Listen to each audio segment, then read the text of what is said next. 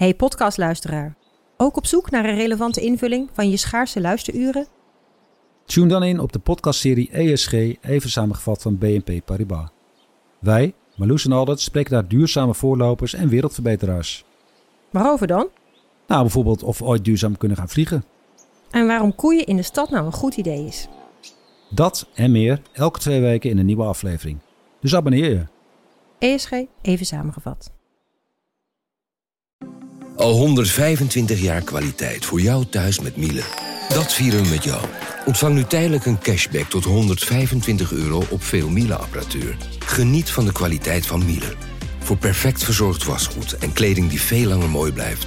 Voor een stralend schone vaat, even perfect als jouw diners. En een stofvrij thuis waarin echt hygiënisch schoon de standaard is. Check miele.nl voor alle feestelijke aanbiedingen.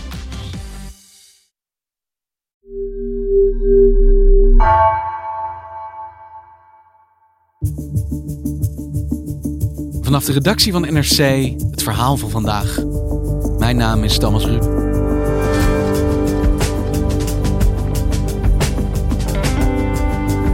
Afgelopen weekend was het vijf jaar geleden dat bijna alle landen ter wereld hun handtekening zetten onder het Klimaatakkoord van Parijs. Een historisch moment waarmee zij gezamenlijk zeiden: wij gaan de wereld redden. Maar zijn ze dat vervolgens ook gaan doen? Redacteur Paul Luttikhuis kijkt terug en kijkt vooruit. Gaan we de klimaatdoelen halen?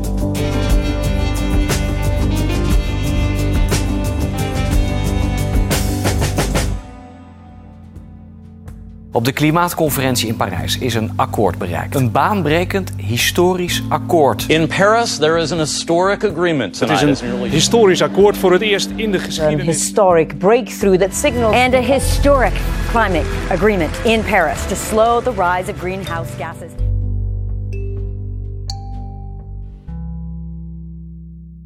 Hey Paul, het is nu afgelopen weekend vijf jaar geleden geweest dat het klimaatakkoord van Parijs werd gesloten. En ik kan me indenken dat voor klimaatredacteurs als jij dit een van de grote momenten uit je loopbaan is.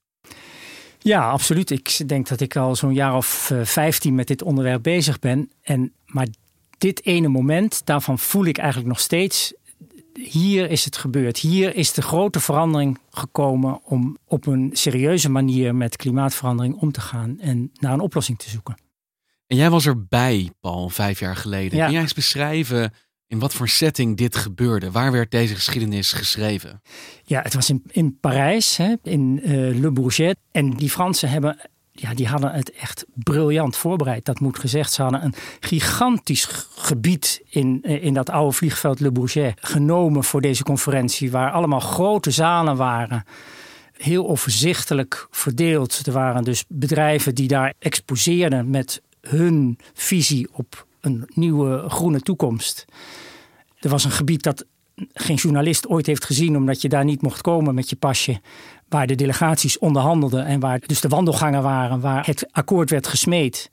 Het backstage van de regeringsleiders. Ja, ja, ja, precies. En er waren natuurlijk VIP-lounges en, en, en een stuk of vijf, zes grote restaurants.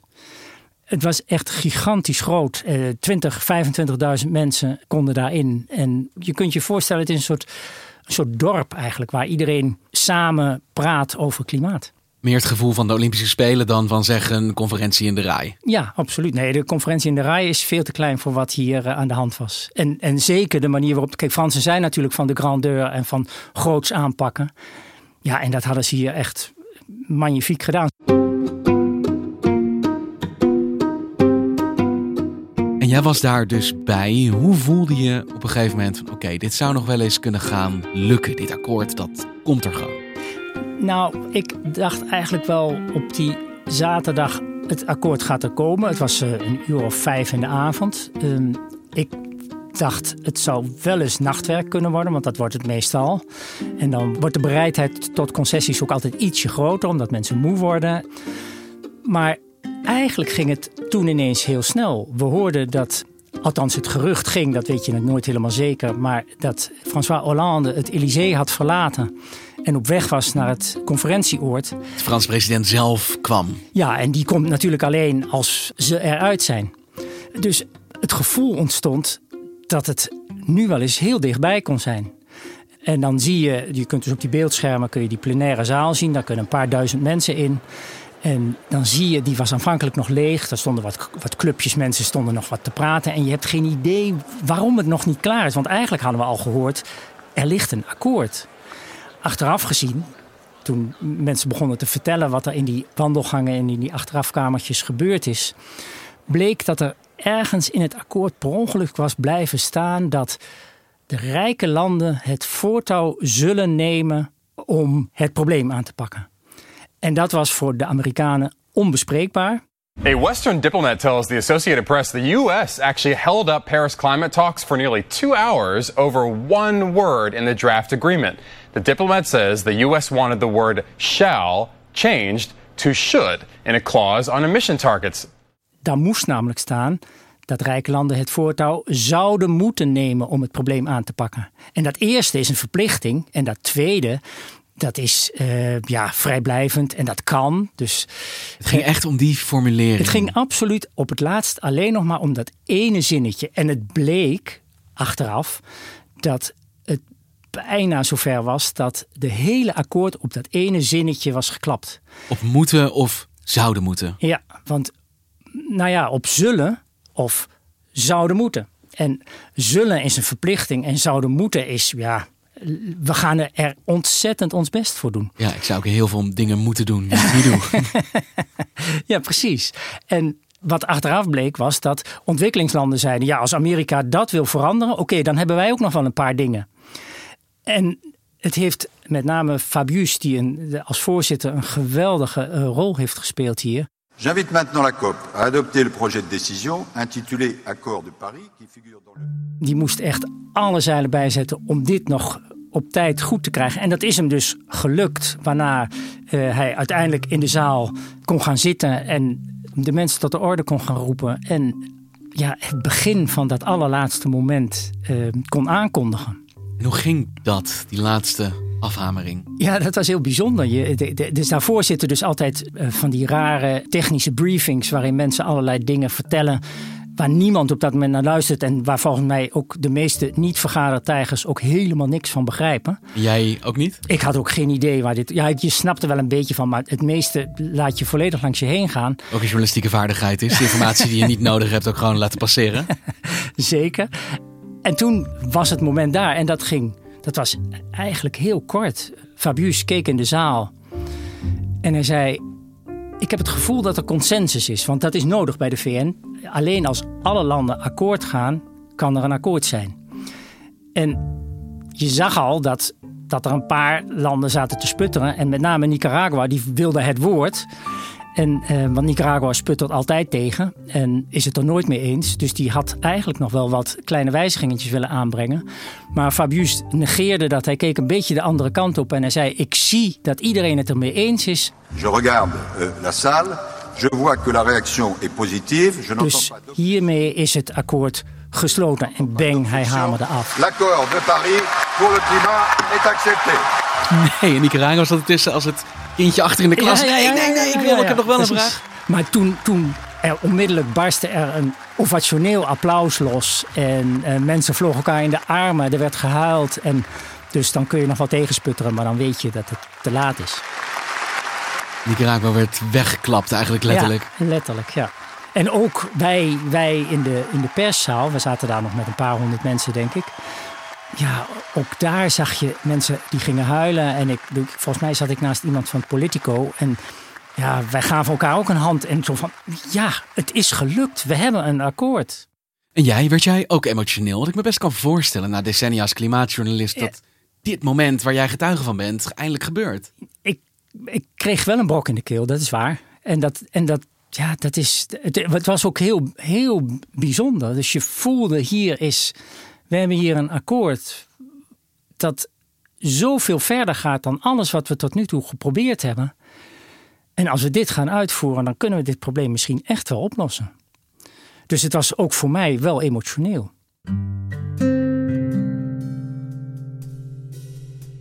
En Paul, dit is precies vijf jaar geleden, afgelopen weekend. Dit moment dat de hele wereld even bij elkaar leek te komen en dacht: wij gaan dit met elkaar doen. Hoe is het de uitvoering van dat akkoord sindsdien vergaan? Um, nou ja, je moet. Het is misschien belangrijk om even uit te leggen uh, hoe dat akkoord in elkaar zit. Het bestaat in feite uit twee delen. Het ene deel is een juridisch deel. Dat is dat deel waar dat zouden en zullen uh, in stond. Mm -hmm. En ja, daarin staan de belangrijkste doelen. We mogen niet een opwarming die meer is dan 2 graden, of eigenlijk liever nog fors daaronder. En als het kan, anderhalve graad. Dat is het doel. En eigenlijk wordt ook gezegd, om dat te bereiken, moeten we na 2050 proberen om geen CO2 meer, meer in de atmosfeer te brengen. Althans, niet meer dan we eruit kunnen halen. Dus dat eerste deel is een glashelder doel, niet meer dan 2 graden en als het even lukt, anderhalf. Ja, dat is glashelder en ook hoe we daar moeten komen is in feite ook glashelder. Maar dan komt het tweede deel en dat is wat vager en dat bestaat uit de plannen die alle landen indienen om bij te dragen aan die grote doelstelling die in dat eerste deel is vastgelegd. Wat iedereen individueel moet doen om dat totaaldoel te halen. Ja, en daarin wordt niet naar dat totaaldoel gekeken. Dus ze kijken in feite alleen naar wat landen hebben ingeleverd. En klimaatwetenschappers uh, houden wel in de gaten of die doelen, als je die bij elkaar optelt, of dat voldoende zou zijn om dat grote doel, dus die, liefst die anderhalve graad, maar misschien iets daarboven, om dat grote doel te halen. En het grote voordeel daarvan is dat je als, je als landen zeggen: dit is wat wij gaan doen, dan kun je ze daar ook aan proberen te houden. Dat is de ene kant. De andere kant is dat er natuurlijk niet een soort van instantie op wereldniveau bestaat. Uh, een soort politiemacht die zegt: hé, hey, jij doet iets wat niet mag. Dus uh, wij gaan jou hiervoor straffen. Je kunt zeggen, eigenlijk de Veiligheidsraad in de VN is de hoogste instantie om naar landen te kijken. Mm. Maar kijk maar welke landen daarin zitten. De VS, Rusland, China. Dus die gaan niet zichzelf straffen opleggen als zij hun doelen niet halen. Dus er is eigenlijk internationaal niet een soort mechanisme om dingen af te dwingen. Ook niet bij wijze van spreken een Excel-sheet van China moet zoveel doen, Nederland zoveel, Bulgarije zoveel. Wat je kan controleren, houden ze zich daar ook aan? Ja, nou die controle is wel een belangrijk ding. En dat is ook in het akkoord vastgelegd. Dat iedere vijf jaar wordt er gekeken hoe ver zijn we en is dat genoeg? En als het antwoord is nee, dan wordt aan alle landen gevraagd om hun plannen aan te scherpen. En dat betekent dat die vrijblijvendheid is de zwakte van het akkoord, maar op een bepaalde manier ook de kracht van het akkoord. En juist doordat landen elkaar ook beoordelen en kijken: hé, hey, jij staat daar, hey, maar wij doen al dit. Zouden jullie niet beter ook? En dus er zit een soort van gevoel in dat je elkaar onder druk kunt zetten door te laten zien hoe goed jij bezig bent. Een soort positieve uitwerking van groepsdruk. Dus eigenlijk ja. geen sancties, je kan elkaar niet bestraffen eigenlijk, maar je wil misschien ook niet als enige niet meedoen. Nee, precies. En ook dat is eigenlijk in dat eerste deel van het akkoord wel vastgelegd. En er is ook afgesproken dat je je plannen wel mag bijstellen, maar altijd als een aanscherping. Dus je mag ze nooit afzwakken. Dus dat ligt allemaal wel, vast. Alleen de sanctiemiddelen die erbij horen om te zorgen dat landen zich daaraan houden, die zijn beperkt. Want is deze groepsdruk bij gebrek aan sancties genoeg gebleken om landen ook daadwerkelijk te laten doen wat ze moeten doen? Als je kijkt naar de beloftes, denk ik dat dat wel zo is. Bijvoorbeeld, vrij recent heeft de Europese Unie gezegd: wij gaan rond het midden van de eeuw klimaatneutraal zijn. Europa moet zijn CO2-uitstoot niet met 40%, maar met 55% verminderen voor 2030. Dat staat in de Green Deal, het plan dat Eurocommissaris Frans Timmermans namens de EU heeft gepresenteerd. Met de nieuwe ambities kan Europa in 2050 het eerste klimaatneutrale werelddeel worden. Japan, Zuid-Korea hebben hetzelfde gezegd. China, dat in deze wereld nog een beetje als een ontwikkelingsland wordt gezien, omdat er natuurlijk ook nog heel veel armoede is, heeft gezegd: wij halen niet 2050, maar in 2060 zijn wij ook zover. En je zag dat er uh, in de afgelopen jaren één land was dat hier een beetje een uitzonderingspositie innam. Dat waren de Verenigde Staten. Want Trump zei vanaf het begin, eh, toen hij aantrad, dat hij dat hele klimaatakkoord maar niks vond. En hij is er dus op de eerst mogelijke moment waarop dat kon uh, uitgestapt. The United States will withdraw from the Paris Climate Accord Maar de nieuwe president, Joe Biden, heeft gezegd dat hij een van de eerste daden van hem zal zijn om er weer in te, in te stappen. En nou heeft Biden wel grootse plannen al aangekondigd. En ook gezegd, net als Europa en een paar andere landen, dat hij in 2050 klimaatneutraal wil zijn. Maar dat is voorlopig alleen maar een belofte. En 2050 is nog ver weg. Dus, en dat geldt eigenlijk ook voor al die andere beloftes. Dat is de ene kant om er naar te kijken. Als je daarnaar kijkt, doen we het eigenlijk niet zo slecht. Maar als je kijkt naar wat er werkelijk gebeurt, dan ligt het toch nog net iets anders.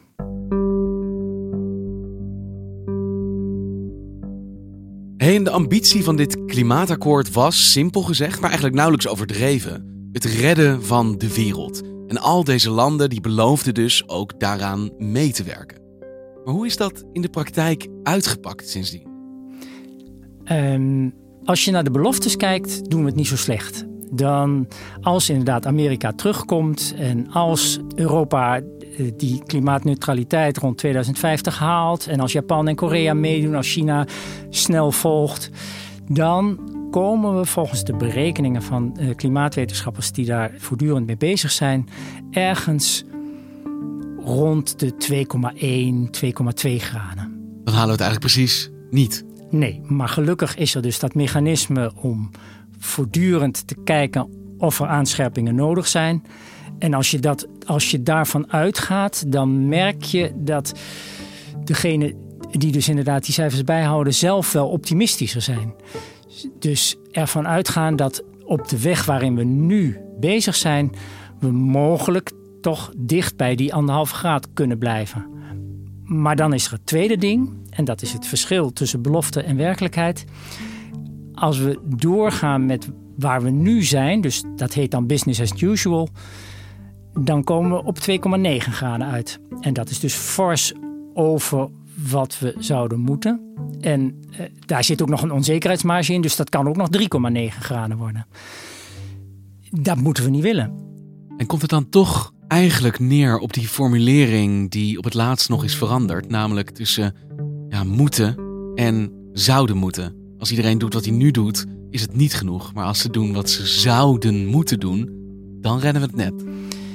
Als iedereen doet wat, wat hij zou moeten doen en en er steeds ook nog een schepje bij doet, dan gaan we die anderhalve graden misschien nog kunnen halen. En, maar dat is wel echt een absolute voorwaarde.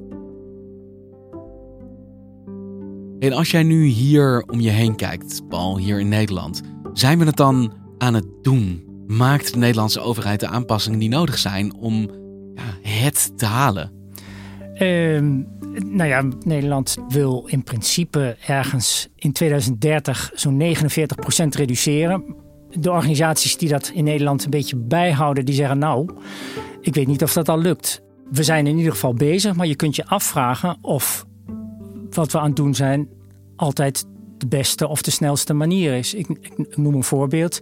Het isoleren van huizen is een hele snelle manier om CO2 te besparen, omdat je hebt gewoon minder verwarming nodig. En als je dan kijkt naar het effect daarvan, dan is het ook nog heel comfortabel, want je woont in een huis dat uh, in de winter lekker warm is. En wat misschien in klimaatveranderingstijden nog veel belangrijker is, dat in de zomer ook koel zou kunnen blijven. Ja, lijkt me heerlijk. dus, dus je ziet dat er nog heel gemakkelijke dingen te doen zijn, maar je ziet ook dat er ook nog wel dingen zijn waarvan het voor een overheid lastig is om mensen daartoe te bewegen. Bijvoorbeeld dat een snelle vliegvakantie even op en neer naar Spanje misschien niet het beste idee is voor het klimaat. En dat verhaal als overheid vertellen blijft nog wel lastig. Want eigenlijk een beetje de luie vraag dit. Maar kunnen wij er als burgers uh, van uitgaan dat als wij ons gewoon aan alle regels houden, dat de overheid er wel voor zorgt dat we het redden? Of is daar ook een extra offer nodig van ons als individuen? Ja, die dingen staan niet los van elkaar. Ik denk dat we er niet van uit mogen gaan dat we het alleen van de overheid halen. En bovendien, ik ben bang dat een politicus die uitlegt dat ons leven ernstig gaat veranderen. En dat sommige dingen eh, misschien niet meer kunnen, dat zo'n politicus wel eens zou kunnen worden afgestraft bij de volgende verkiezingen. Dus daarin ligt in ieder geval al een taak van ons als burger in een land om goed te kijken hoe kunnen wij de politiek helpen om dit probleem op te lossen? En wat kunnen we vervolgens inderdaad zelf doen? Dat laatste is ook van essentieel belang. Misschien het besef dat we meer zouden moeten doen dan alleen wat we ook moeten doen. Absoluut, daar gaat het om. Dankjewel, Paul.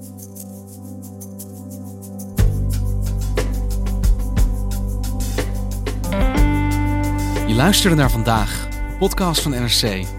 Eén verhaal, elke dag. Deze aflevering werd gemaakt door Anna Korterink en Astrid Cornelissen. Chef van de audioredactie is Anne Moraal. De muziek die je hoort is van Rufus van Baardwijk. Dit was vandaag, morgen weer.